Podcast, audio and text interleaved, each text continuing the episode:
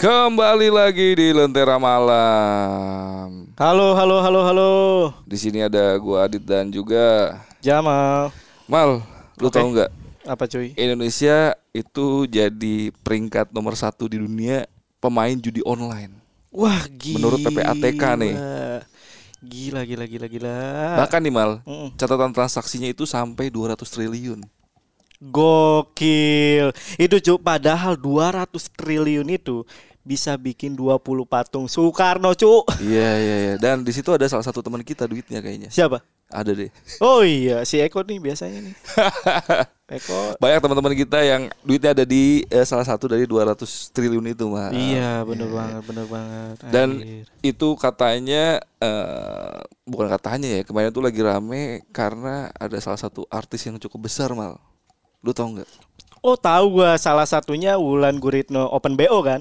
Ya. Eh, maksud gua eh, yang main film, yang pemain film Open BO. betul betul, iya, betul. bukan iya. profesi sebagai open bo ya Bukan, bukan cu, bukan cu, Iya. bukan cu. Sorry, sorry, sorry. Itu bercanda. itu kita ngeliat di video ya Mm-mm. video apa Netflix sih Video itu. video ya jadi Mbak Wulan Guritno itu kemarin sempat diperiksa polisi ya Mm-mm. karena jadi brand ambassador salah satu eh brand judi online kali ya Ya betul. sebutnya brand apa apa ya Situs, situs situs judi online. Oke, waduh, menurut lu gimana mal? Maksudnya ada artis yang bisa jadi ambasador judi online. Katanya itu ini mal, eh, dia katanya nggak tahu kalau itu judi online. Menurut lu gimana? Tidak mungkin karena kita ya yang udah pernah terima endorsement segala macam ya, Ya. ya, pengalaman kita ya, itu pasti ada brief cuy. Betul. dan itu mereka itu pasti jujur ini kita situs judi online gitu mau Iya, promo. iya. nah itu kan tinggal pribadi kitanya masing-masing mau terima atau tidak gitu Betul betul. Dan minimal eh, kita sendiri pun kadang-kadang suka ngecek ya mal ya. Mm-mm. Ini brandnya brand apaan nih? Mm-mm, Brand pasti. apakah kita akan terjebak gitu ke depannya? Mm-mm. sama seperti kayak dulu Makanya kita agak teliti nih kalau apa udah masalah-masalah eh, email tuh biasanya ada tulisan eh, game online. Jujur biasanya headline game online malah pas kita klik ada Betul. namanya bet bet 86 bet waduh. Iya, betul betul betul ada kode-kodenya tuh nanti tuh Dan mungkin lu ada tanggapan lain nggak tentang si eh, artis ini jadi brand ambassador mal?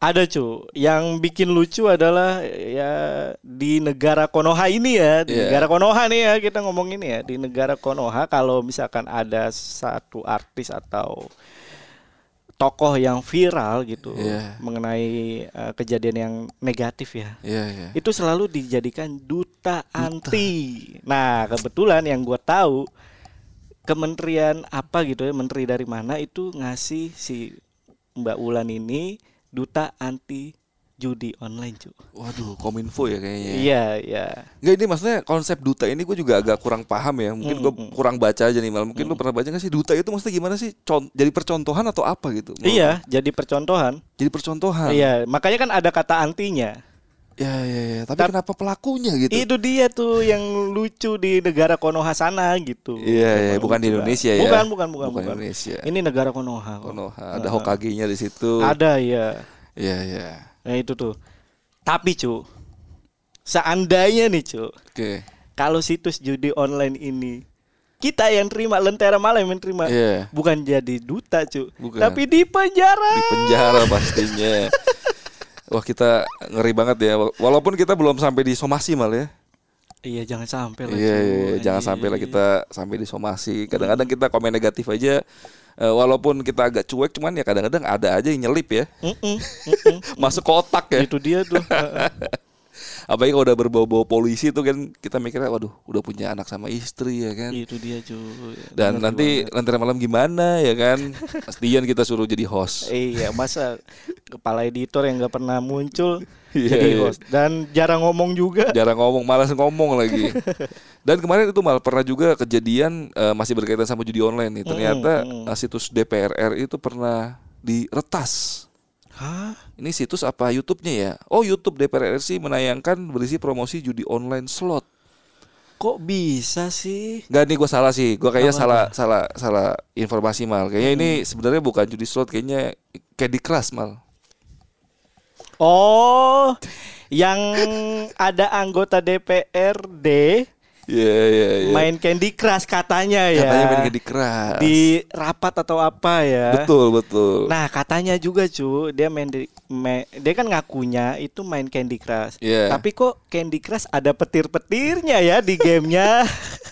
Nah lu sebagai pro player Candy Crush nih karena gua Ah. sering ngeliat lu main lah kalau lagi sendirian main Ah. Candy Crush itu. itu bapak-bapak banget tuh. Iya, itu tampilannya emang sama kayak gitu mal. Tidak dong. Sangat tidak beda. ya. sangat, beda, gitu, tidak sekali. beda. gitu. Makanya tadi gua bahas kok ada petir-petirnya kalau karena kalau yang judi online Iya. Nah itu ada ada dewa Zeus terus dewa Zeusnya menyambar petir Iya, dan petir itu yang menghasilkan bah Jackpot ya. jackpot. Wah, anjir, ini Anjir gimana? gue tahu banget ya cuy.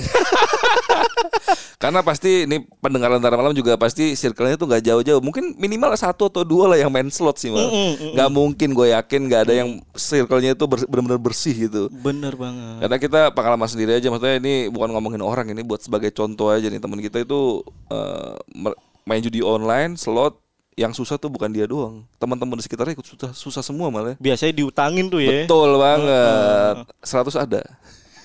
Lebih cuy gitu. itu teman kita yang dari Konoha cuy. Iya iya iya. bukan iya. di sini. Betul betul betul. Karena biasanya kalau orang tiba-tiba nggak kenal, bukan kenal nggak kenal apa, eh, jarang ketemu atau jarang komunikasi sama kita tiba-tiba, eh bro apa kabar nih? Waduh, ini kan sinyal-sinyal eh, seratus ribu itu udah mulai tercium malah biasanya. malah. Sinyal-sinyal ini ya apa namanya? eh, u u u u UU, ujung-ujungnya utang. uang. Oh utang ya, ya, ya. Dan biasanya nggak jauh-jauh itu pasti dipakai untuk deposit. Iya itu dia tuh. Aduh. Kampretnya itu. Eh, lu kasih pesan dong. Eh, apa gitu maksudnya tuh janganlah main judi online karena kan judi online itu sama kayak maaf ya kayak narkoba gitu cuy. Betul betul betul. Lebih parah malah ya kan? Iya iya iya. Kemarin gue sempat ini sih bang ngelihat salah satu eh, FYP di Instagram tapi ya, karena gua- karena gue jarang buka TikTok gue ngeliatin Instagram itu mungkin itu re- re-upload juga dari TikTok ya. Mm-mm. Itu ada yang ngasih statement kalau orang goblok di atasnya goblok-goblok itu ya pemain judi slot mal. Iya bener banget tuh. Karena mungkin dijelasin dikit mungkin kalau kalian belum lihat videonya itu jadi di- mereka jelasin bukan mereka ya dia jelasin itu kalau algoritma dari websitenya si judi online ini kan bisa diatur ya malah. Mm-mm. mana ada sih bandar di dunia ini yang uh, Rugi, mau rugi ya. betul. Udah pasti kita bakal disetting untuk ujung-ujungnya kalah. Betul. Kalau kalian mau kaya, ya langsung jadi bandarnya aja. Nah, jadi itu bandarnya. jahatnya ya. Itu Betul, kalau betul. yang terjadi di negara Konoha tuh kayak gitu Iya. rata-rata mau kaya ya jadi bandar aja gitu. Di judi tuh nggak ada yang uh, bakal jadi kaya kecuali bandarnya ya. Hmm, tapi kalau bisa jangan lah ya, Bisa jangan sentuh, jangan pernah sentuh. Bakal ketagihan dah lu. Dan hampir nggak ada obatnya ya. Nggak Iya. tahu deh obatnya apa sampai sekarang kita belum tahu karena kita beberapa kali ngobrol sama orang yang judi slot udah sampai berbusa tapi ujung-ujungnya main-main lagi. Obatnya ada cuy. Apa tuh? Miskin. Kayak miskin tetap aja nyusahin orang aja. Dia Iya, miskin malah nyusahin orang malah. Iya iya iya. Ada yang sampai kemarin viral tuh eh, rumahnya tuh dijual. Iya. Wah gila, gila, gila. Cuman gara-gara judi online lu menang misalnya 150 juta atau 100 juta lah. Lu nggak ngitung berapa yang udah lu keluarin gitu. Betul banget. eh. Dan kemarin ya ini salah satu teman kita menang 150 juta kita juga kaget ya bisa menang segitu ya. Iya, kaget banget. Tapi dalam waktu sebulan mal sudah mulai utang lagi. Ini tuh katanya pas eh, setelah menang dua minggu kemudian dilihat sama temennya itu udah deposit atau rugi 25 juta lagi. Ya, Itu baru seminggu loh setelah seminggu. menang. Pantesan sebelum udah habis ya. Iya, gila, gila, gila, gila, gila. itu aduh nggak slot pokoknya udah itu nggak ada nggak ada untungnya nggak bakal menang nggak bakal kaya nggak ada orang kaya dari eh, malas.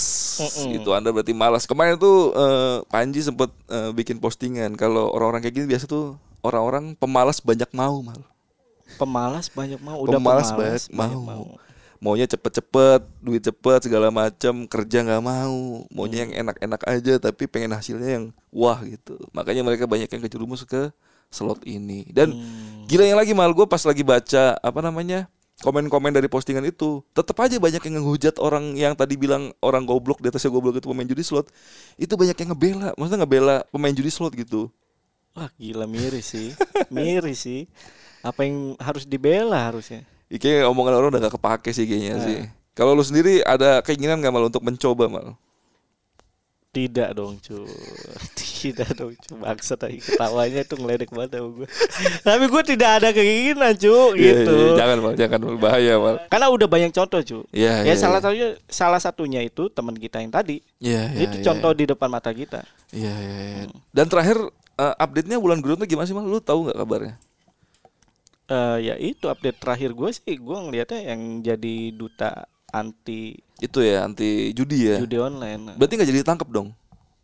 Enggak lah cu Kan udah dijadiin duta Masa dutanya di penjara Iya juga ya. Kan nggak mungkin Pertanyaan bodoh nih. Heeh. Dan yang terakhir mal yang gua dengar itu Kominfo itu udah memblokir hampir sekitar 846 ribu konten judi online sejak 2018. Hmm, oke. Tapi kayaknya kita ngeliat tuh nggak ada yang berkurang deh kayaknya. Iya, lu maaf ya, se- search di Google aja itu masih ada gitu. Iya betul banget itu kenapa? Ini mungkin dulu kayak eh, Bokep. bokep ya awal-awal ya. Iya. Walaupun sekarang emang udah lebih sulit ya. Iya, iya. Walaupun pakai VPN bisa. Iya. Ini gue juga nggak tahu kenapa Kominfo nggak bisa apa emang sistem sistemnya atau apa namanya mekanismenya emang sulit kalau untuk memblokir seperti itu gitu mal. Hmm, bisa jadi atau ada konspirasi ini eh, yang menjadi rahasia umum di negara Konoha ya, cuy ya. Hmm. Kalau situs judi online itu kan Duitnya banyak. ya selain itu kan eh, ada apa sih ibaratnya itu uang pangkal ya. Ada nyalurin Oh, ada uang biar pelicin. aman. Ah itu Oh, dia oke. maksud gua ada uang pelicinnya. Iya, sama kayak kemarin kasus yang katanya ya, katanya eh, eh, jenderal polisi yang gak jadi dihukum mati itu katanya. Yang di itu kan di Konoha. Konoha kan. Iya, iya, iya, iya. Itu katanya kan ada kait-kaitannya disebut-sebut sama judi online. Aduh anjir, anjir. Gue deg-degan anjir ini asli gue deg-degan ini di episode ini. ya, cuman eh, ini kita di- dari negeri Konoha ya. Cuman ya kan gue agak kesal juga mal dikit mal kan karena ternyata eh, hukuman beliau itu dikurangin gak jahat Ah. gitu. Ya. Parah, parah. Oh, yang lebih parah lagi, tahu ini kan cu ada anak eh, dari pejabat pemerintah negara Konoha tuh yang kemarin apa namanya selebrasi Ronaldo tuh Hmm. Oh, iya, iya, iya. seseorang. Nah, itu udah dihukum vonis cu. Berapa tuh? Nah, vonisnya cuma 12 tahun apa? Aduh. Aduh. Ini kalau gua nggak salah ya, Iya, intinya iya. tuh nggak lama gitu. Iya, iya. Tidak sesuai harapan rakyat gitu. Itu ada isu-isu berapa lama sih pengennya katanya orang-orang gitu infonya? Harusnya kan kan itu kan eh, pasal berlapis harusnya kan Heeh. rencana perencanaan kayak ibaratnya rencana pembunuhan. Iya, iya. Terus apa namanya yang dia Kekerasan lah ya. iya itu kekerasan sama dia yang di bawah umur itu loh, pelecehan di Oh. bawah umur. Iya. harusnya iya, kan iya. double tuh. Belum yang lain-lain lagi. Iya, iya, iya. Heeh. Nah itu kalau untuk perencanaan aja itu minimal itu harus 20 tahun setahu gua. Oke, iya, iya. Tapi pembunuhan mungkin kalau yang 20 tahun kali ya. Iya, tapi Eh, kayak pembunuhan berencana itu seumur lah. hidup ya? Iya seumur hidup. Iya, iya, iya. mungkin ya rencana kejahatan ya kali Iya, gitu ya. iya. Atau mungkin teman-teman ada yang lebih tahu, mungkin bisa tulis di Q&A gitu. 12 tahun itu belum termasuk remisi. Iya, Nanti iya, ya kalau iya. misalkan ada remisi kan ya Nah, potongannya banyak potongannya lagi. bisa setengah lah. Dan mungkin nanti kalau misalnya cepet eh, keluar dari penjara tiba-tiba si doi itu keluar dari pintu polsek langsung Siu. siu lagi. Selebrasi lagi anjir. Anjir, anjir. Tapi kan katanya konon katanya doi orang tuanya ini mal apa orang-orang yang berpengaruh lah. Emang, Iya, emang. iya, iya. Makanya ya kita nggak heran lah di negeri Konoha ya, bukan iya, Indonesia. di negeri Konoha. Sering terjadi seperti itu. Pejabat-pejabat eh, negara Konoha tuh emang seperti itu, cu. Kampret kampret emang ya Konoha ini bukan Indonesia ya. Mm-mm. Indonesia mah itu negara yang sangat baik dan Iya. sangat keren lah pokoknya semuanya pejabatnya baik-baik, anti korupsi. Iya, iya, iya, iya, bener, bener, bener. Tapi tanda kutip.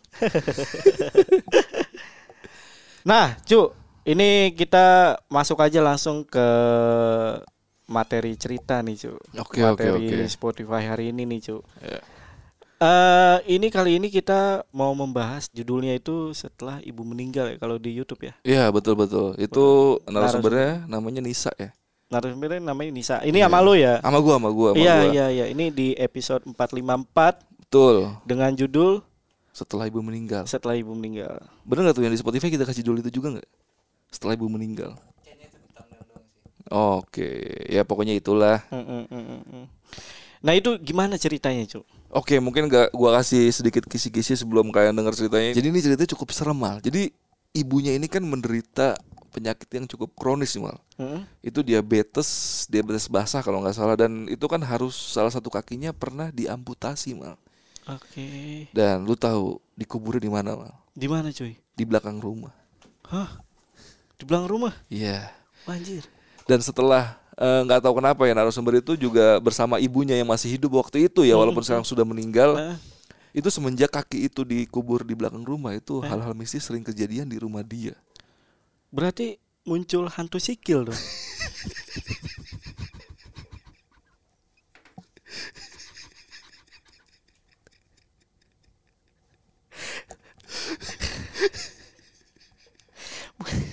karena kan yang dikubur kaki. Iya iya iya.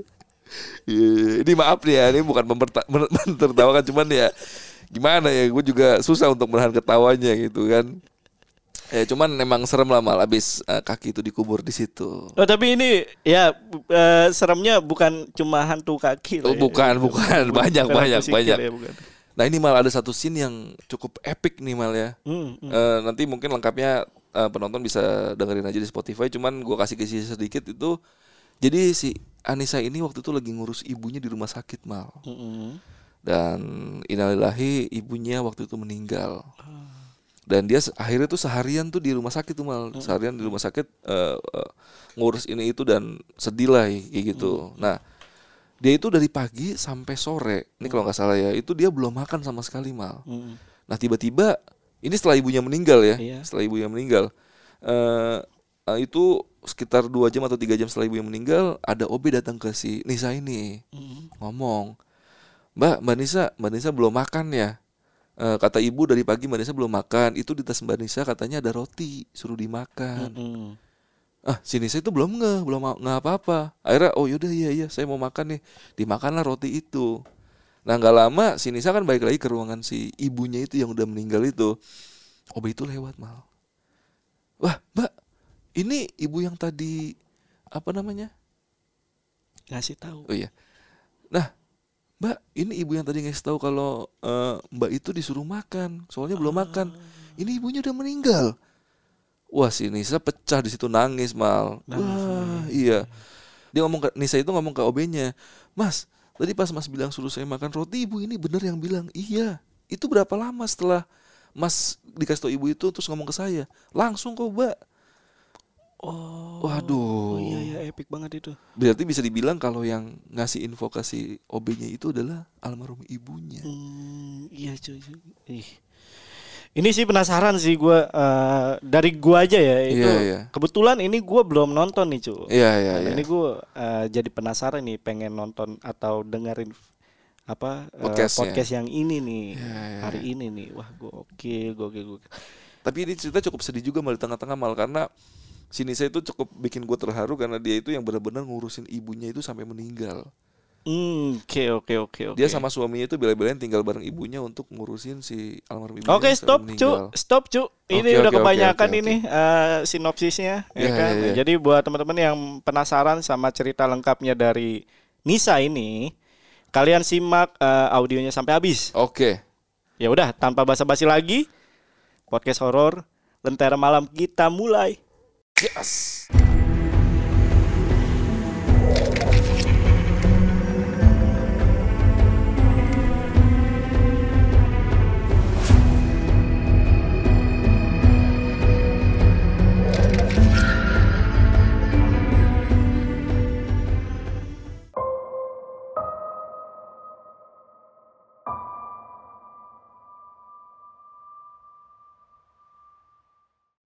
Aku pindah ke rumah itu di tahun 2013 bang gitu kan. Itu rumah memang udah kosong 4 tahun. Sebelumnya di- pernah dijadiin warnet. Warnet. Ah-ah. Nah terus akhirnya kita tuh nggak ngecek-ngecek tuh bang, main beli aja gitu kan. Karena memang posisinya eh, rumah yang sebelumnya tuh udah mau ditempatin sama orang, jadi kita buru-buru pindah. Nah setelah kita udah ngangkut-ngangkut barang, terus eh, tembok pun juga udah jadi, ya udah kita pindah. Mamaku ngecek ke belakang kan, ini kok ada dupa ya katanya jadi kayak ada tempat dupa gitu tapi ditanam kayak Di gitu belakang rumah? di belakang rumah yang eh, halaman belum jadi di daerah situ kan Iya, iya. Mm. terus akhirnya ini apa ya gitu kan terus nanya sama orangnya yang punya rumah sebelumnya dia bilang oh nggak tahu saya nggak tahu kayak gitu padahal kan dia yang punya ya Iya, kayak iya. gitu kan nggak mungkin dia nggak tahu kan ya udah terus akhirnya selang satu hari setelah kita pindah itu tuh malam-malam tuh suka ada yang nyapu gitu suara srek srek ada kali sekitar semingguan padahal posisinya tuh kita udah selamatan rumah udah udah Hmm. semuanya gitu kan ya sampai akhirnya mamaku juga digangguin juga kan kalau aku kan nggak berani ke belakang pokoknya yang paling berani tuh mamaku gitu kan Mm. Jadi mamaku posisinya lagi cuci piring di belakang tiba-tiba dia uh, dengar suara ketawa. Aku kan di kamar tuh sama adik aku posisi aku belum nikah. Mamaku tiba-tiba aku dengar tuh suara teriakan sini lo turun kata mamaku gitu. Gue jambak lu kata mamaku gitu kan terus bunyi buak gitu kan. Eh dek mama kenapa tuh? Coba samperin enggak? Lu aja kata adik aku gitu. Pasti mama ngelihat yang aneh-aneh nih kata mama eh, kata adik aku gitu kan terus akhirnya mamaku ke kamar terus kata mamaku kurang ajar itu ya beli rumah enggak ngeganggu gangguin mama katanya kayak gitu. Emang kenapa mah itu mama lagi cuci piring diketawain. Hihi kayak gitu. Akhirnya mamaku kesel ditantangin kayak gitu mau dijambak rambutnya terus akhirnya dilempar pakai ember sampai embernya pecah terus dianya pergi ke atas kata mamaku kayak gitu. Berarti nyokap ngeliat sosoknya juga, nggak cuma suara. lihat enggak. Dia orang mamaku tuh kalau misalnya di dapur tuh kadang kulkas kebuka kebuka sendiri tuh tutup lagi kata mamaku gitu akhirnya ditutup jadi mereka sendiri? iya mereka takut sama mama mereka takut makanya pas mama meninggal tuh mereka jadi show up gitu nih gue nih gitu Iya. iya, Heeh. iya. Itu nyokap yang eh, diketawain sama Hmm. ngelempar ember itu, itu berapa lama setelah pindah ke rumah itu? paling sekitar dua mingguan dua minggu kita baru pindah tuh udah udah begitu Udah kejadian itu. iya kalau kalau papa kan emang dia keluar kota terus kan jadi Hmm. dia nggak terlalu ngerasain Jarang di gitu. rumah ya. Iya, jadi yang di rumah ya cuman aku, mama sama adik aku doang gitu. Iya, karena kondisi belum nikah waktu itu ya. Iya, kita semua belum pada nikah gitu. Dan setelah itu kejadian apa lagi tuh, Manisa? Eh, yang anak kecil, jadi baru pada pulang ngaji. Jadi kan rumah aku tuh, eh ini rumah aku, ini gang, ini rumah. Nah, gang ini gelap nih bang. Jadi ada lampu sih, ada penerangan. Cuman itu lampu selalu mati terus, padahal udah diganti apa sama orang PLN itu tetap mati. Jadi itu rumah tuh gelap banget gitu. Eh itu apa? Jalanan jalanannya itu. gelap. heeh. Karena lampu nggak bisa diganti Heeh, juga. mau diganti mau diber, dibenerin tuh selalu Tetap rusak. rusak gitu kan akhirnya anak-anak yang pada pulang ngaji tuh abis isa deh kalau nggak salah mereka baru pada pulang ngaji sekitar enam orangan lah lagi pada pulang ngaji lewat jadi kan mereka harus ngelewatin gang itu kan walaupun Hmm. gelap karena rumah mereka di belakang gitu kan. Nah terus udah kayak gitu eh, tiba-tiba aku dengar dari kamar tuh lari lari kuntilanak kuntilanak kayak gitu bang. Iya terus udah gitu kata mamaku apaan tuh ya? Udah besok pagi aja mah aku bilang kayak gitu kan. Nah besok paginya mamaku nanya ke tetangga belakang kan nanya "Eh, mbak itu kenapa anak-anak kemarin? Katanya kok saya dengar ada suara kuntilanak kuntilanak terus kan mamaku di sana dipanggilnya Umi kan. Mm-mm. itu Umi katanya. Itu tuh setan di rumah Umi katanya. Pada ngetawain anak-anak katanya kayak gitu. Ah maksudnya gimana? kata mamaku gitu. Iya jadi eh tuh kuntilanak duduk di tembok rumah Umi sambil nguncang-nguncang kaki katanya.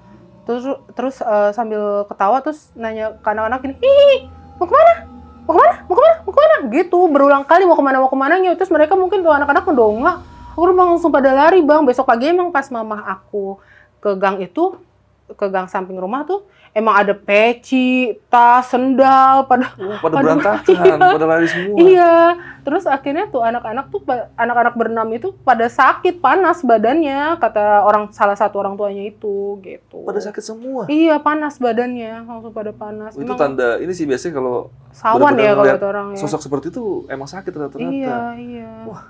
Sampai sakit enam-enamnya. Enam enamnya sakit langsung. Jadi kalau misalnya ngaji tuh orang tuanya pada ngejemput ntar di ini gitu Iya. pada diantar jemput. Serem banget sebelah rumah aja serem ya Iya gangannya gitu ya. iya.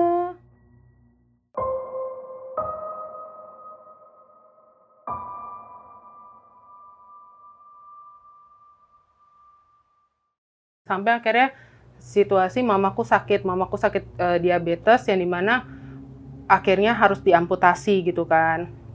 Diamputasi, eh pertamanya sih hanya jempol, tapi lama-lama naik ke atas dan karena aku kan yang ngerawatin mamah ya, jadi aku tadinya memang aku nggak tinggal di situ kan setelah nikah, terus akhirnya aku tinggal di situ pas mama sakit, maksudnya biar ada orang standby 24 Merawat, jam ya. di sana kan gitu kan.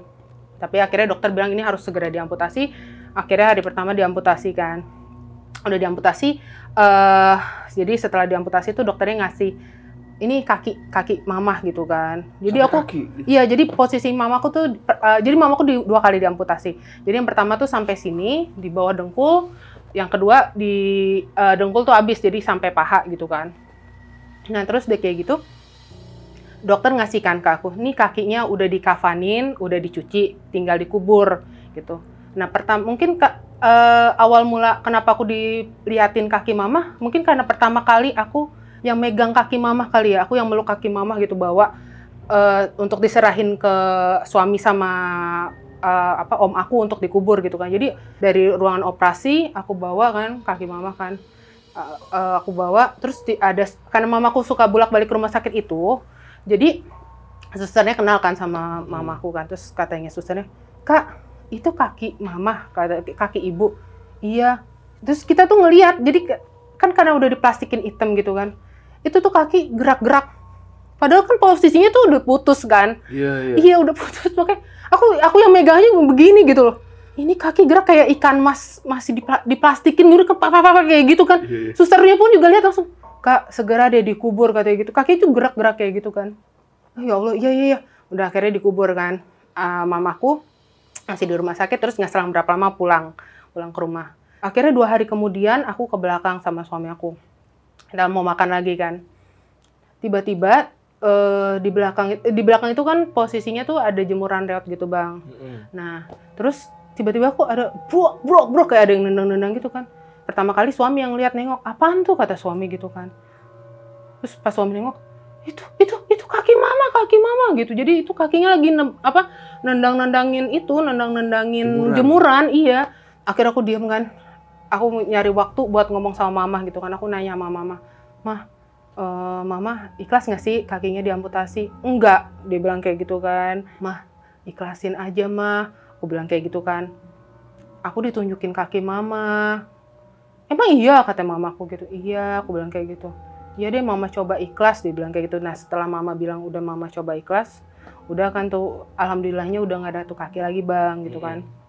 Akhirnya eh karena apa namanya sih naik eh, lukanya naik ke atas lagi akhirnya harus diamputasi yang kedua gitu Oke. jadi ya kasihan juga sih maksudnya badannya kepotong-potong gitu ya akhirnya diamputasi yang kedua eh, pulang lagi ke rumah posisinya tuh mama nggak udah sesek karena kan gula tuh apa nyerang semuanya ya jadi Komplikasi Eh, gitu ya. jadi paru-paru mama tuh kerendam gitu kan, kerendam. Jadi dia tuh sesak nafas. Susahnya di apa mama tuh susah banget diajak untuk ke rumah sakit gitu loh. Ayo mas, sampai akhirnya satu hari sebelum meninggal nih. Jadi satu hari sebelum meninggal tuh mama nggak tenang gitu bang. Terus tiba-tiba besok paginya dia ngomong gini, "Eh, kak, kok di belakang semalam ada yang apa ya kayak ada eh, aktivitas ya di dapur. Sedengarnya mama tuh kayak gitu. Aku bilang enggak kok mah nggak ada yang ngapa-ngapain di dapur. Aku bilang kayak gitu kan. Tapi memang pas malam itu sebelum mama meninggal, aku dengar ada yang ngegoreng gitu loh, kayak ada yang ngegoreng gitu kan. Eh, Aku bilang kok ada yang ngegoreng ya malam-malam. Ah udahlah aku tidur lagi kan. Nah posisi sebelum hari sebelum mamaku meninggal dia gelisah tuh bang bangunin Rizky, Rizky manggilin untuk duduk, ntar minta duduk, minta ditidurin lagi, duduk, minta ditidurin, pokoknya gelisah di hari itu. Akhirnya nyokap paginya mau dibawa ke rumah sakit kan. Ternyata nafasnya udah ini juga kan, udah 1212 juga. Terus kata dokter ini udah koma nih katanya gitu kan. Akhirnya dipompa lagi kan, ada lagi gitu kan. Sampai berapa kali koma dia berapa kali anfal sampai akhirnya keluarga pada datang kan gitu kan, Bang.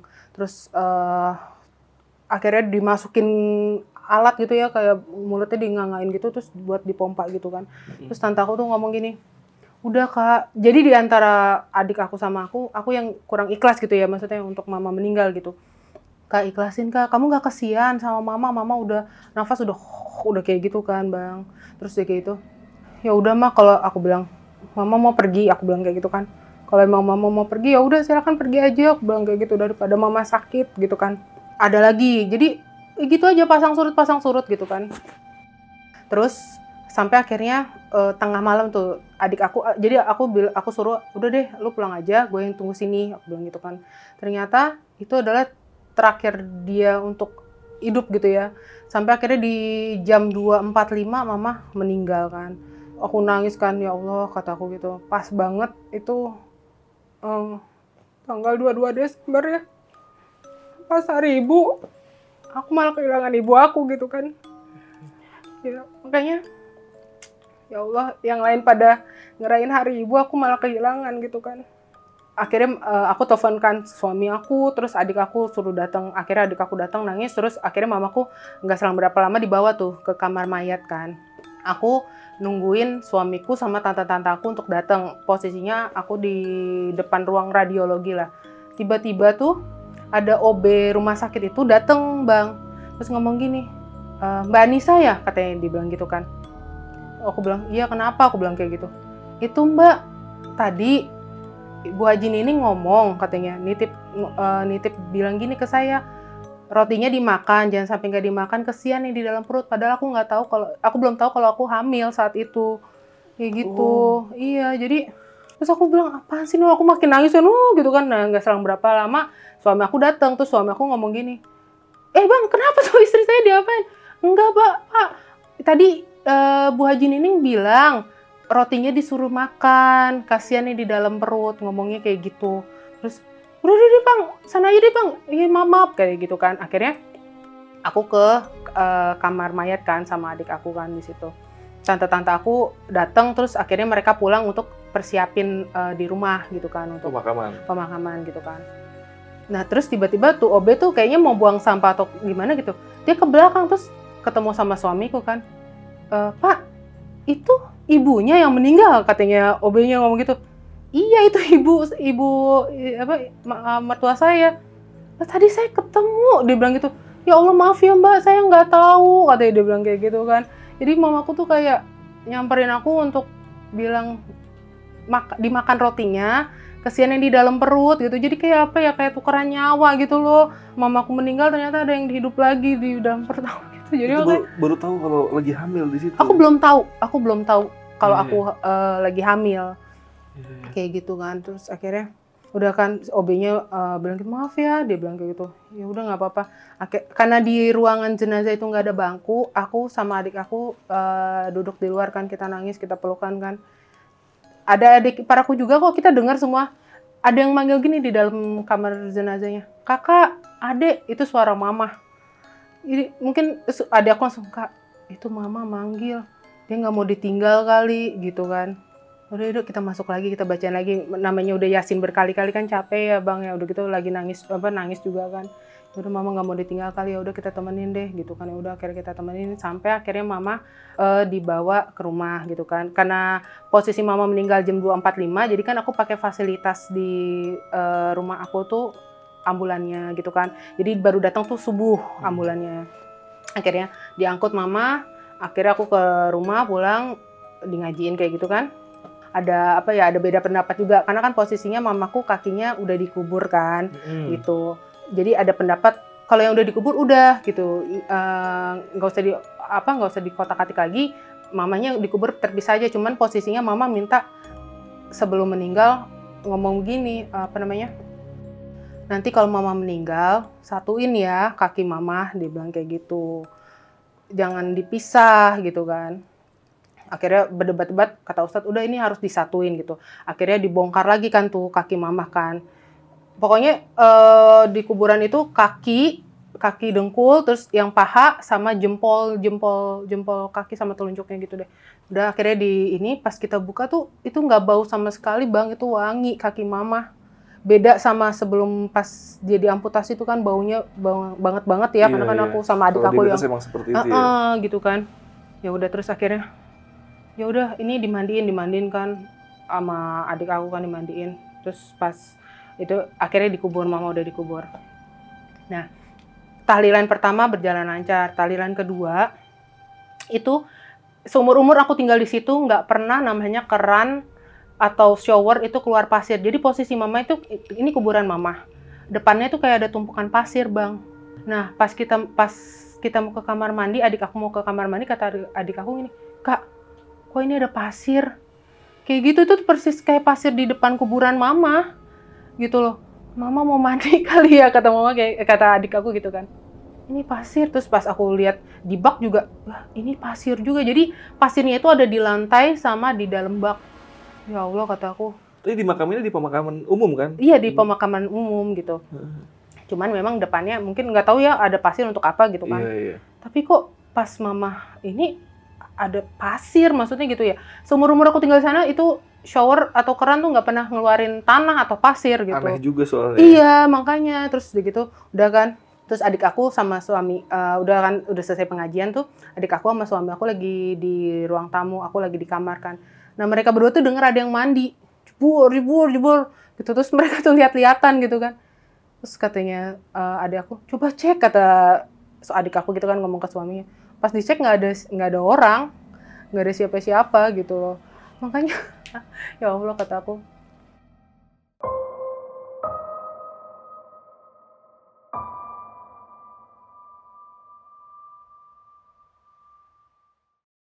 Nah, jadi setelah mama meninggal, memang kan tadinya memang banyak gangguan, cuman mereka nggak terlalu ekstrim gitu kan.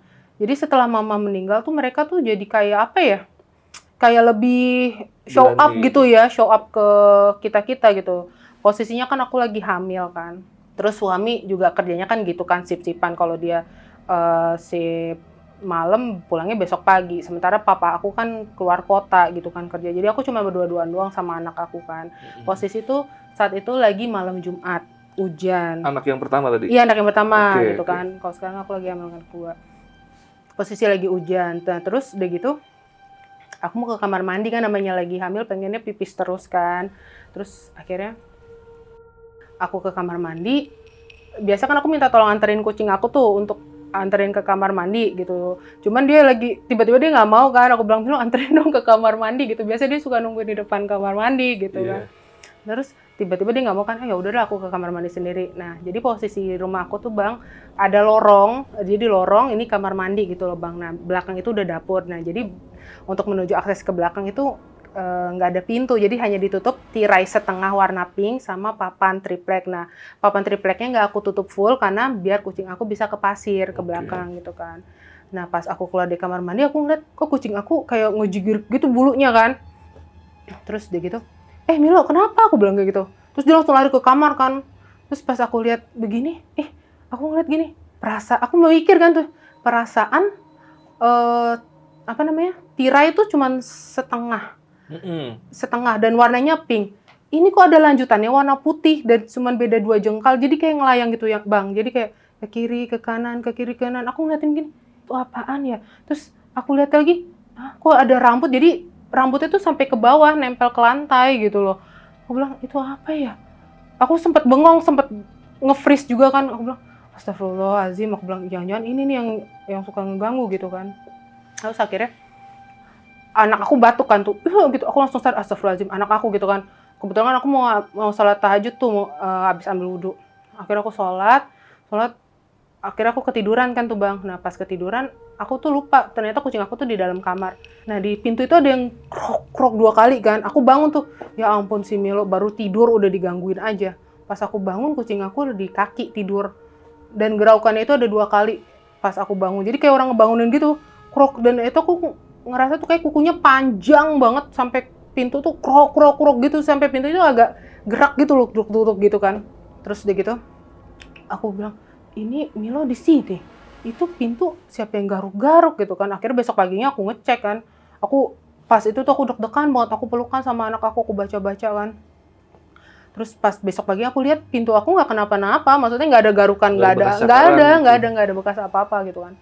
Akhirnya aku bilang ya Allah kok makin makin mama nggak ada makin suka apa Ngeganggu eh, gitu eh, ya. ngeganggu. Nah tuh gitu eh, suami aku nih. Jadi karena rumah aku atapnya belum ada jadi anak-anak belakang tuh suka main bola bolanya tuh suka loncat gitu ke Masuk dalam dalam masuk ke gitu dalam ya. gitu kan. Nah terus dia kayak gitu suami aku lagi masak mie kan. Terus dia ngeliatin bolanya. Eh, kok ada bola sih? Terus dia liatin lagi lama-lama tuh bola ada rambut ada rambutnya gitu loh. Lama-lama dia liat "Ih, kok ada rambut? Nah tuh tiba-tiba tuh bola tuh gelining ke kiri ke kanan ke kiri ke kanan gitu bang sambil ada rambutnya. Makanya dia langsung astagfirullahaladzim dia langsung mungkin karena dia refleks kali akhirnya dia baca, bukan baca doa apa malah baca doa makan. Gitu. oh balik balik sambil teriak-teriakan gitu kan. Terus gitu akhirnya aku bilang gini kenapa?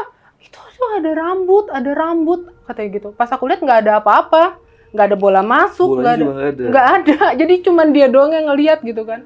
Terus aku bilang nggak ada bola, nggak ada apa-apa. Tapi tadi aku ngeliat katanya ada bola, ada rambutnya, katanya gelinding-gelinding kiri kanan kiri kanan kayak katanya kayak gitu kan. Aku bilang ya Allah kok makin ke sini makin ini ya jadi makin pada berani gitu loh. Terus kadang misalnya aku ke kamar mandi gitu ya, aku suka lupa gitu loh bang ya. Aku cuman berduaan sama anak aku. Sementara papaku keluar kota, ah, suamiku kerja malam. Kadang suka di kamar mandi suka ada yang ngetok-ngetok gitu, udah belum? Kayak begitu. Aku aku spontan jawab belum. Aku lupa kalau aku cuma berduaan sama anak dan anak aku kan belum bisa ngomong kan masih kecil kan. Iya, iya. pas aku keluar dari kamar mandi lah tadi siapa yang ngomong ya? Aku bilang kayak gitu makanya Astagfirullahaladzim. Akhirnya kan apa ya aku karena aku lagi hamil juga nah pas maaf nih bang kelewat uh, pas aku ditunjukin uh, kuntilanak yang ada rambutnya itu aku tuh besokannya langsung ngeflag Uh, uh, langsung ngeflag gitu kan. Akhirnya aku di aku minta tolong sama om aku yang bisa. Aku bilang, "Om, tolong dong Om, ini begini gini gini." Aduh, emang nih yang yang di rumah nih uh, apa namanya? jahil katanya gitu kan. Terus aku nanya kan ke uh, sebelumnya tuh mamaku tuh nanya ke pas mamaku masih hidup tuh nanya ke sesepuh yang di rumah uh, yang udah lama tinggal di situ. Ini pas lagi masih hidup nyokap. Masih, masih hidup kan. Terus nanya, "Ini emang sebenarnya apa sih ini dulu nih uh, Umi katanya ini nih dulu ada sumur katanya cuman nggak tahu tang dari uh, tangan keberapa akhirnya sumur ditutup kayak gitu. Terus dia gitu oh gitu. Terus apa lagi? Kata mamaku gitu kan nanya ke sesepuh itu. Jadi dulu nih katanya ada orang pribumi perempuan pribumi dihamilin sama tentara Belanda. Nah tentara Belandanya ini uh, bilang mau tanggung jawab mau tanggung jawab tapi malah pergi gitu aja. Nah akhirnya ini perempuan karena malu dan depresi akhirnya dia jatuhin diri ke sumur yang sekarang Umi tempatin rumahnya gitu kan. Hmm. Nah baru ketahuan tuh kebesokan harinya katanya gitu. Terus oh gitu. Jadi dia meninggal pas dalam keadaan hamil. Iya pas dalam keadaan hamil dia depresi, malu. Akhirnya dia lompat ke sumur. Lompat ke sumur itu gitu dan tapi besokannya baru ketahuan gitu. Makanya agak serem eh, bukan agak serem malah serem banget sih apalagi pas setelah mama meninggal gitu iya, makin yeah, yeah makin jadi mereka gitu loh bang. Uh-huh. Mm-mm. Terus papaku juga waktu itu pernah lagi, papaku kan orangnya nggak percayaan, ah kamu terlalu dramastisin gitu kan. Gue bilang, ih coba aja ntar ditunjukin dalam hati aku gitu kan. Ya, jadi dia lagi tidur. Jadi posisinya kan aku, suami aku sama anak aku tidur di kamar, papaku tidur di luar di ruang tamu kan. Nah dia lagi tidur. Tiba-tiba dia pas melek gitu, ini ada ada itu si kuntilanak itu lagi beginin gini nih, begitu jadi lagi lagi tidur digituin. Jadi muka ketemu muka gitu loh bang. Bapakku langsung kakak langsung kayak gitu kan. Pas itu aku bangun kan kenapa pak? Papa tidur di kamar ya? Papa tidur di kamar ya katanya gitu. Kenapa besok papa ceritain? katanya itu. Akhirnya diceritakan terus aku bilang kan bener kan? Aku bilang kayak gitu kan. Terus anak aku juga kadang suka digangguinnya maksudnya. Jadi kayaknya tuh di sana ada dua deh bang. Maksudnya yang satu anak kecil. Jadi anak aku tuh kadang suka diajak main gitu oh hmm. kayak gitu kan terus karena aku juga suka ngeliat ada set lewat gitu kan aku pikir anakku kan aku bilang Bion aku bilang kayak gitu. Aku pikir ke belakang katanya anak aku lagi di depan kayak gitu bang.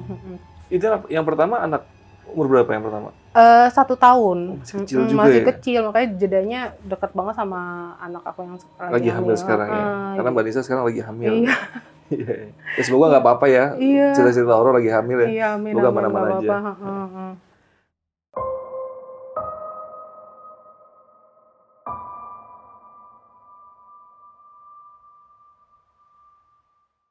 Jadi tuh kalau suasananya tuh bang, kalau di belakang tuh kalau udah malam tuh beda. Jadi kita tuh kayak dipantau gitu loh. Jadi kayak diliatin gitu. Misalnya kita lagi cuci piring tuh kayak ada yang ngeliatin gitu. Pernah tuh uh, aku tuh ngeliat tuh sekelibat gitu. Jadi kayak ada tali gitu, tali diikat gitu. Terus dia miring begini nih. Gitu ngintip gitu ngeliat aku gitu. Pas aku lihat nggak ada. Ya ampun kataku ini apa ya? Aku bilang kayak gitu. iya. Terus uh, jadi kan kucing aku tuh suka keluar kalau malam. Jadi kita kan suka nyari-nyariin gitu. Nah, aku sama papa aku nyari di luar. Nah, suami aku itu eh, dia ke belakang kata suami aku, coba deh aku cari ke belakang gitu kan. Nah, udah gitu suami aku nyari ke belakang nih, terus kata suami aku gini, nih udah ketemu nih katanya gitu. Terus suami aku tuh ngeliat gini, itu apa jemuran goyang-goyang katanya terus putih-putih. Terus Milo, Milo kata suami aku gitu kan. Akhirnya pas dia tegesin lagi, itu putih-putih naik ke atas ngelayang. Suami, oh gitu. Kata suami aku, astagfirullahaladzim, kata suami aku. Terus suami aku udah langsung datengin aku, Milo ke mana? Ini baru datang, berarti tadi bukan ya, katanya kayak gitu. Makanya tuh mereka tuh lebih lebih apa ya lebih aktif setelah mama nggak ada karena memang yang paling berani tuh di rumah mama gitu Oh, kan. iya, iya. Mm-mm. Sampai mamaku tuh waktu itu pernah juga lagi posisinya mana kakinya lagi sakit sendirian kata mamaku gini kak mama diselengkat ada iya jadi mamaku tuh ngerasa kayak ada yang nyelengkat katanya kaki katanya kayak gitu kan. Mamaku sampai jatuh sampai nggak bangun dua jam nunggu orang pulang. Eh, eh, posisi saat itu aku belum nikah gitu kan aku kerja kan. Ya udah terus gitu aku bilang mah mama kenapa? Aku bilang gitu. Pas datang aku kaget kan mamaku lagi telentang aja di dapur kan gitu. Eh ya Allah mama kenapa? Aku bilang gitu. Mama dari tadi jatuh nggak bisa bangun katanya. Kenapa? Mama kepeleset enggak. Mama kayak ada yang selengkat katanya gitu. Emang emang belakang tuh emang serem sih bang gitu ya. Kadang suka bau apa ya bau amis anyir kayak gitu. Pernah tuh aku sekali eh, baru-baru ini. Kataku kok bau bau amis anyir ya? Aku ngecek kan takutnya aku ngeflag atau gimana kan. Aku ngecek kok enggak enggak ada ya? Tapi bau anyirnya jalan ke belakang. Aku lagi di ruang tamu aku langsung buru-buru bawa anak aku ke kamar aja kan. Posisi lagi berdua doang kan saat itu Ya, kayak gitu bang Iya. Mm-mm. Nah kan tadi sempat apa ngubungin Om ya yang bisa ya. Mm-mm. Eh, ceritalah kalau ada kejadian-kejadian kayak Uh-uh, gitu di rumah. Ada tindakan sih nggak sih dari Om waktu itu? ada Waktu itu akhirnya gimana? mereka eh, akhirnya om aku datang ke rumah terus kata om aku hmm nih dia nih Ol." katanya ini om aku gitu kan terus akhirnya dia apa sih nah eh, buang garam atau apa gitu deh terus di, aku dikasih minum tuh dikasih minum kan nih diminum ya sama anaknya katanya kayak gitu kan biar nggak diganggu. Karena kan posisinya kamu lagi hamil katanya kayak gitu. Lagi wangi katanya gitu kan. Ya udah aku minum kan. Ya selama minum sih aku nggak ngerasa apa-apa sih. Cuman ya kalau untuk kayak pi- gagang pintu itu masih. Gagang Hmm. pintu kamar mandi eh, eh, kamar gitu kan susuk gitu kan. Masih. Terus kalau ada suara hey hey kayak gitu masih. Cuma suara-suara aja sih. Cuman kalau untuk aku aku eh, gimana ya nggak terlalu ekstrim lagi sih mereka mungkin kalau ke suami aku kayaknya masih deh kayaknya soalnya Hmm. suka ditunjukin juga misalnya suami aku nih lagi ngerokok di belakang nih tiba-tiba ada suara anak ayam gitu kan ya yeah. padahal di belakang tuh nggak ada yang miara ayam Iya, iya. kayak gitu makanya alhamdulillah sih aku udah dikasih air gitu makanya aku nggak terlalu ini lagi gitu bang Iya, iya, Gitu. iya. Nah, berarti sampai sekarang Mbak Nisa sama suami masih tinggal di situ. masih masih tinggal di situ awal kan memang eh, niat kita jagain mama kan harus ada yang standby 24 jam di sana kan karena mama Iya. sakit gitu sampai sekarang masih sih cuman aku juga udah nggak betah juga sih di sana karena memang udah di iniin kayak apa masih tambeng gitu loh Iya, iya, iya. Iya. Masih sering ada kejadian-kejadian di situ ya. masih masih kadang eh, kadang sih yang lebih ini sih ke pintu ya kadang suka grok-grok pintu kayak gitu Iya, iya. sama ini nih. Tadi kan eh, Mbak Nisa cerita kalau di rumah itu ada suara kayak ibaratnya Mbak Nisa lagi mandi terus ada bilang nanya udah belum? iya itu. Itu suaranya mirip siapa? Kenal atau enggak? Atau enggak aku lain nggak aja? kenal dan bodohnya aku jawab. Belum gitu orang aku. Apa ngeblank gitu kan ya? Belum tar dulu aku bilang kayak gitu. Cuman pas aku pikir-pikir lagi setelah keluar kamar mandi ah gue kan cuma berduaan ya? Kok itu siapa? Aku bilang kayak gitu kan ya. Iya kayak kayak gitu bang. Iya, dan ini satu lagi nih kejadian yang paling serem menurut gua di ceritanya Mbak Nisa ini bagian yang OB yang di rumah sakit. nah iya itu Nah, ini kan OB-nya berarti dia ngeliat juga jenazah ibu Lihat, ya? lihat. Karena pas lagi Mbak Nisa lagi ke kamar jenazah ya. Heeh, heeh. Dan dia baru nggak, oh ini ibu udah meninggal. iya Itu Mbak Nisa sempat tanya nggak sama OB-nya? Itu dia ketemunya sama ibu pas emang udah jamnya meninggal atau sebelum? aku sih nggak nanya cuman dia bilang "Eh, barusan kata OB-nya barusan Barusan. eh, eh, barusan banget eh, saya ketemu katanya di depan katanya gitu. Aku nggak tahu depannya depan mana. Cuman dia bilang di depan. Bukan aku juga sih yang nanya suami. Dia nanya emang ketemu di mana bang? Barusan di depan katanya gitu. Makanya aku bilang kok dia tahu mama nama mama aku kan Haja Nini, Haji Nining kan gitu kan.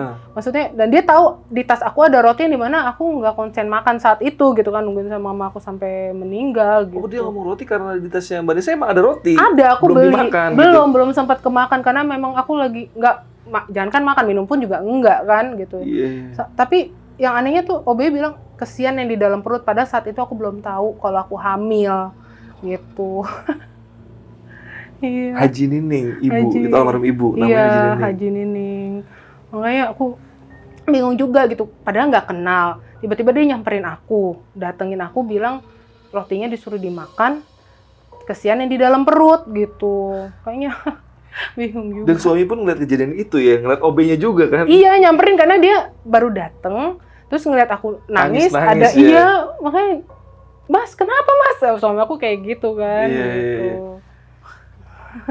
Tapi ini kan eh, rumah dibilang bisa dibilang angker lah ya, karena warga-warga sekitar pun nggak cuma Mbak Nisa, maksudnya warga sekitar pun ngalamin hal mistis yang ada di rumah Iya, Mbak Nisa. iya. Itu pernah nggak sih dari warga atau dari keluarga Mbak Nisa pengen ngadain pengajian besar gitu di rumah gitu? Pernah sih pernah ngadain pengajian, cuman ya kayaknya emang Nggak, nggak ngaruh ya? nggak ngaruh deh karena memang pas pertama kali aku tinggal di sana itu warga wa- apa eh, warga-warga di sana tuh udah ngomong gini emang berani tinggal di situ karena memang rata-rata tetangga-tetangga di situ suka ditampakin perempuan bang perempuan Hmm. rambut panjang nemplok di kaca begini nih tuh jadi kalau lewat langsung pada kabur gitu jadi pada nggak berani lewat rumah aku sementara orang-orang kalau menuju mau keluar harus lewatin rumah aku gitu Oh, iya. Iya karena memang udah kosong 4 tahun gitu kan. Iya. Itu bekas ada sumur juga. Nah ini soalnya mirip eh, Mbak Nisa sama studio Lentera Malam yang dulu yang di Rorotan. Oh gitu. Jadi tempatnya itu dulu kita kan baru pindah waktu itu di Rorotan ya.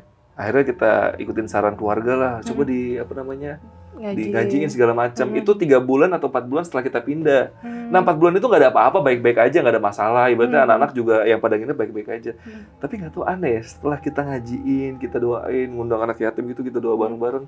Setelah saat itu teman-teman yang nginep, terus Hmm. apa narasumber yang itu malah sering digangguin. Agak aneh Oh, kenapa iya, ya begitu ya? Iya, iya. Mungkin penonton ada yang tahu itu kenapa bisa seperti itu gitu. Hmm, hmm. Makanya akhirnya kita di studio yang terakhir nih ya, yang di sekarang ini di. Cakung. Hmm. Ini dari kita pindah setahun lalu belum pernah kita selamatin karena takutnya nanti Oh gitu. kejadian lagi. Iya, iya, iya. Tapi Padahal ada aja lah ya. Sekarang masih ada aja ya. Ya udahlah, sama aja kayak ini ngaji apa Iya, enggak gitu. iya makanya padahal udah udah manggil ustadz juga kayak gitu Iya, kan. Ya iya. mungkin karena memang pengaruh ada yang bunuh diri itu kali Iya, ya, jadinya mungkin ya, terlalu kuat di Iya, situ ya. terus apa om aku juga bilang sempat bilang gini, ini om cuman ngasih air buat ngusir nggak bisa, dia Mm-mm. bilang gitu. Ini kuat katanya gitu. Ini cuman buat jaga-jaga kamu sama anak kamu doang. Terserah deh suami sama papa gimana gitu kan. Mereka mah kan nggak ini, kamu kan lagi hamil, terus kamu Iya. ada anak kecil juga kan gitu.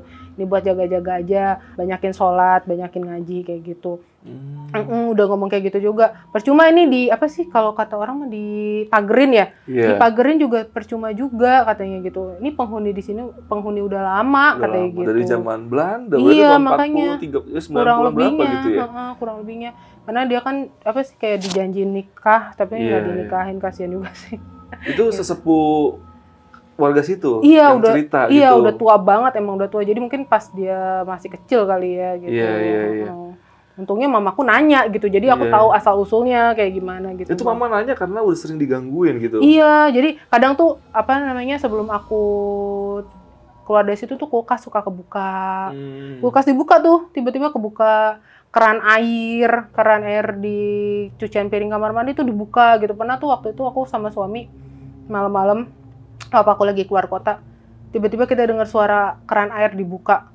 Kita nggak berani ke, ke belakang sampai akhirnya tuh air nyala terus sampai pagi gitu sampai Makanya aku bilang siapa yang Yang siapa yang nyalain? Iya, terus kadang banyak lah eh, suara-suara tuh kalau di dapur tuh kalau malam tuh entah ngulek, entah ada penggorengan yang gimana. Aku sih gini mikirnya, ah mungkin tikus kali nenang-nenangin diri gitu Iya, kan iya. ya. Mungkin tikus kali. Cuman besokannya ulekannya kepindah, pindah gitu kan. Kataku, ya ampun ini mak- setelah mama nggak ada kok jadi pada berani ya. Aku bilang kayak gitu. Nah, coba dan sekarang masih tinggal di situ lagi ya, Masih, Nisa ya? Dan masih. mungkin tadi sempat disinggung sedikit info kalau Mbak Nisa itu sekarang lagi hamil. Ini Iya. hamil berapa bulan nih Mbak Nisa nih? Mau jalan empat, mau, Mau jalan empat. anak kedua. Udah di USG apa belum tuh? Udah, udah di USG. Dapat laki-laki atau eh, belum kelihatan belum belum nih. kelihatan nanti. 4 bulan masih belum kelihatan ya. Iya, makanya masih rawan banget. Makanya Om bilang kamu nih lagi wangi gitu. Iya, iya, iya. Makanya tuh kuntilanak mau ngedeket, makanya Om aku ya cukup buat magerin aku aja untuk beresin rumah, ngusir dia. Nggak bisa Om aku nggak sanggup karena katanya Oke. energi terlalu kuat gitu. Iya, iya. Dan anak pertama laki-laki apa perempuan? Laki umur setahun. Ini pengennya apa nih? Pengennya laki-lagi aja. Laki aja. Iya, Oke. Biar dijagain. Iya, jadi buat Mm-mm. kalian eh, bantu doa juga Mbak Iya. Nisa supaya Mm-mm. semoga nanti dapat anak laki-lagi Iya, dan amin. semuanya lancar ya sampai Amin, lahiran amin, dan amin. anaknya sehat. Kita bantu Amin. doa untuk Mbak Nisa. Amin, amin, amin. Dan Mbak Nisa ada yang mau dipromoin nggak nih? Sosial media atau usaha lagi ada apa gitu? Oh iya, aku ada eh, parfum. Aku jualan parfum namanya Oh, jualan Dux. parfum. Nah, cari di Instagram Dux. Instagram namanya? Dux. Dux. Oke, Uh-uh. nanti gua taruh aja linknya di deskripsi aja ya. Iya, oke. Lalu nanti buat kalian yang butuh-butuh parfum Mhm. eh, bisa mampir ke Instagramnya Mbak Nisa. Itu Mhm. kenapa Mbak Nisa jualan parfum dan apa kelebihan parfum Mbak Nisa daripada orang lain? Oh gitu. Emang aku suka, aku memang suka koleksi parfum sih ya. Ah, Gitu. Jadi ya aku suka koleksi-koleksi aja. Kalau parfum aku sih eh, nggak nggak banyak alkoholnya ya. Jadi maksudnya Oke. masih bisa buat sholat gitu ya, bisa buat Oh. dipakai sholat. Emang kalau banyak alkoholnya nggak boleh buat Susah, sholat ya? heeh, nggak boleh. Iya, katanya. iya. Dan itu juga ya kalau banyak alkohol cepat hilang baunya. Iya. Berarti punya Mbak Nisa ini alkohol sedikit jadi lebih tahan lama lah Iya. ya. Yaudah buat kalian yang eh, lagi nyari-nyari parfum bisa mampir aja ke Mhm. Instagramnya Mbak Nisa. Mhm. Linknya gue taruh di kolom deskripsi atau gue tambahin sini nih Instagram. Baru mampir aja ke Mm-mm. eh, Instagram Mbak Nisa. Dan semoga eh, dagangannya rame ya. Ya, amin, Lumayan amin, buat tambah-tambahan ya. Makasih ya. Karena lagi Enggak, hamil kerja nggak? Enggak, Iya. suami yang kerja. Makan ya buat tambah-tambahan lagi santai Iya, iya. sambil ngurus eh, kandungan ya Mm-mm, sama anak masih satu tahun lagi ya. Iya masih satu tahun makanya, aduh aku juga agak gimana ya? Lagi repot-repotnya. Iya, ya. lagi repot-repotnya. Cuman aku ada sedihnya juga maksudnya kenapa jadi tukeran nyawa gitu kan Iya, ya. Maksudnya iya, mama meninggal. Momennya bisa pas banget ya. Iya gitu loh. Dan mungkin pas OB itu datang, mungkin udah ini kali ya di perut aku gitu Udah ya. ada janinnya Heeh, mungkin ya. heeh, Nyokap gitu. pun sebenarnya nggak tahu kan kalau lagi enggak, hamil kan. enggak. Enggak ada yang tahu. Jadi setelah 40 hari aku telat mens, aku cek, eh hamil aku bilang kayak gitu. Dan dihitung-hitung sesuai sama pas lagi makan roti itu emang kemungkinan itu udah hamil posisinya. Udah, kayaknya udah deh. Soalnya pas aku cek, aku cek eh, ke u- apa ke bidan itu udah jalan mau tujuh minggu.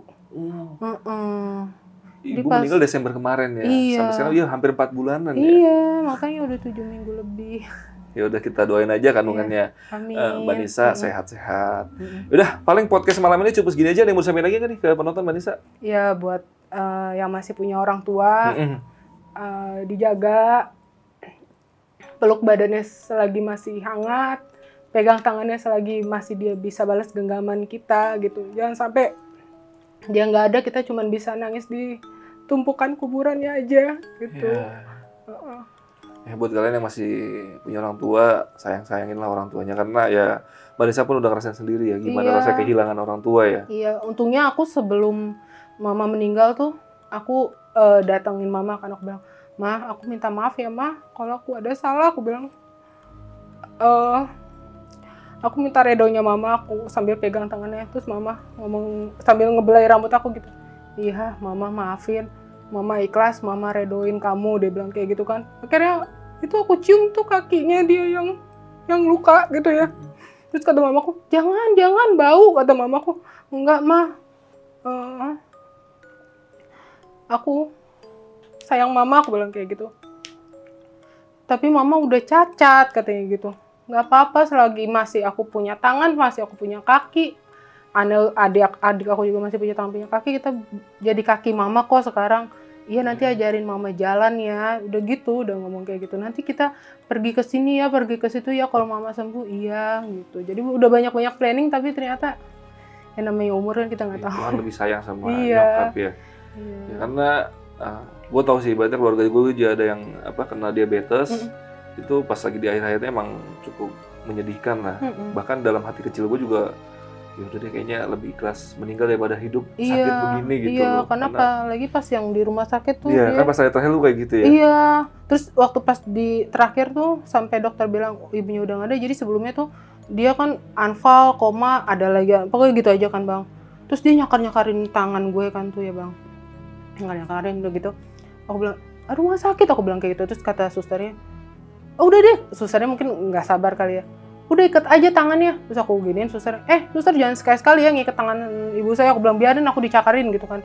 Maksudnya dia tuh dia pengen in, apa alatnya tuh dilepas dia sakit nggak gitu. nyaman gitu nggak ya. nyaman gitu Hmm. Ya udah untuk terakhir mungkin kita tutup dengan eh, teman-teman bantu doa Mm-mm. supaya almarhum ibunya Mbak Nisa Haji siapa tadi? Hajah Mulia Ningsih Ya Haji Mulyaningsih diterima di sini Amin. tempat terbaik di sisinya. Amin, amin, Semoga doa kalian bisa diijabah amin. dan doa kita tadi untuk anaknya Mbak. Amin, Nisa amin, bisa makasih. diijabah.